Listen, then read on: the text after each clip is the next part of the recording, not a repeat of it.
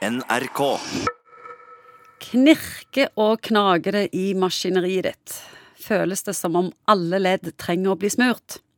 Da kan du godt høre litt ekstra godt etter nå. Morten Munkvik, hva er egentlig leddsmerter, og hva ledd snakker vi om? Det er jo klassisk at folk når de blir litt eldre må ikke være så mye eldre, egentlig. De kan være eh, yngre òg. Kom og si at jeg har så føler at dette kneet ikke virker helt. Det er noe vondt der. Eller hoften. Snakker vi alltid smerter, eller kan det bare være at de er stive? De kommer oftest med smerter. Og er engstelige for at det er noe galt med dette leddet. At det er en eller annen feil som må ordnes med. Og det er det jo hvis det gjør vondt og det er stivt. Og det begrenser det en ønsker å gjøre i hverdagen, så er det et problem. Da må en finne ut av dette her. Ledd er jo geniale strukturer med at de er meint til å tilby god bevegelighet, en sånn ekte ledd, god bevegelighet, men samtidig du skal ikke kjenne at du har et ledd. Det skal bare være der. Det skal bare funke. Så med en gang du kjenner det med at det er vondt eller stivt, så er det et problemledd. Eh, og det de er engstelige for eh, da, er jo at det der er en slitasje i det. Og det er jo det som ofte er sannheten. At når man tar et vanlig røntgen, så ser man her er det Det er gammelt og slitt, ganske enkelt. Ja, men det bildet du tar av mitt ledd, eller en 20-åring sitt ledd, vil òg vise slitasjeforandringer. Så det er slitasje bare ved at du har brukt leddet en 20-30 år. Når folk kommer og har stive og vonde ledd, er det automatisk det som kalles artrose? Veldig ofte så er det det som heter artrose, at det er en slitasjegikt. Det er jo det artrose betyr, at det er en slitasjeforandring som gjør at det er vondt. Dette opplever 300 000 nordmenn. Derfor så må vi finne ut hvordan kan vi fikse dette. Ja, og det er jo Forebygge dette. Ja, forebygge er jo en sånn eh, snål sak, fordi at det, det å bruke leddet er jo både med på å smøre leddet og gjøre leddfunksjonen bedre, og styrke muskulatur omkring leddet, som kan kompensere for smerter og vondter.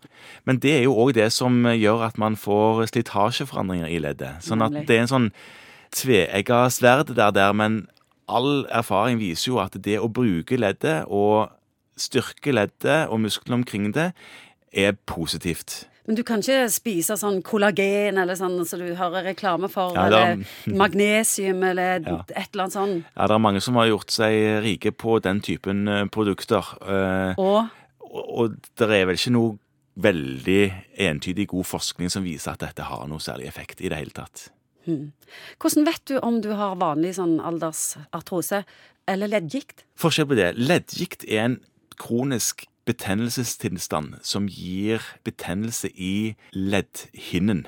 Hvordan kjenner du forskjellen? Det er ikke alltid lett å vite hva som er forskjellen, men klassisk så er det sånn at en med leddgikt vil våkne opp ofte av og med smerter i leddene, og så er de stive og støle og kommer seg nesten ikke opp av sengen og tar dusjen sin, og så går det seg litt til kanskje i løpet av dagen. Så er det motsatt for de med slitasjegikt, for de våkner opp uthvilte og ubrukte i leddene, og så blir det verre og verre etter hvert som dagen går og de bruker leddet mer. Er det vits i å komme til legen med vanlige sånn, smerter og vondt i leddet? Jeg vil si at det er et poeng å få den informasjonen som er veldig viktig på at det, dette behandler vi med smertestillende, Ibux, Paracet og kanskje, hvis det ikke er kontraindikasjoner mot det, noe som heter ikke-steroide antiinflamatoriske stoffer, som f.eks. Brexidol eller Voltaren eller den typen ting. Og så prøve å trene så mye som mulig, og hvis jogging ikke går, så kan de sykle, hvis sykling ikke går, så kan de svømme, og så få en liten prat om hvordan de kan best mulig ivareta kroppen sin, og så si at dette er ikke noe som ortopedene og kirurgene tar i før problemene er blitt mye, mye verre, og smertestillende ikke gjør nok for deg. Da først snakker vi med ortopedene. NRK.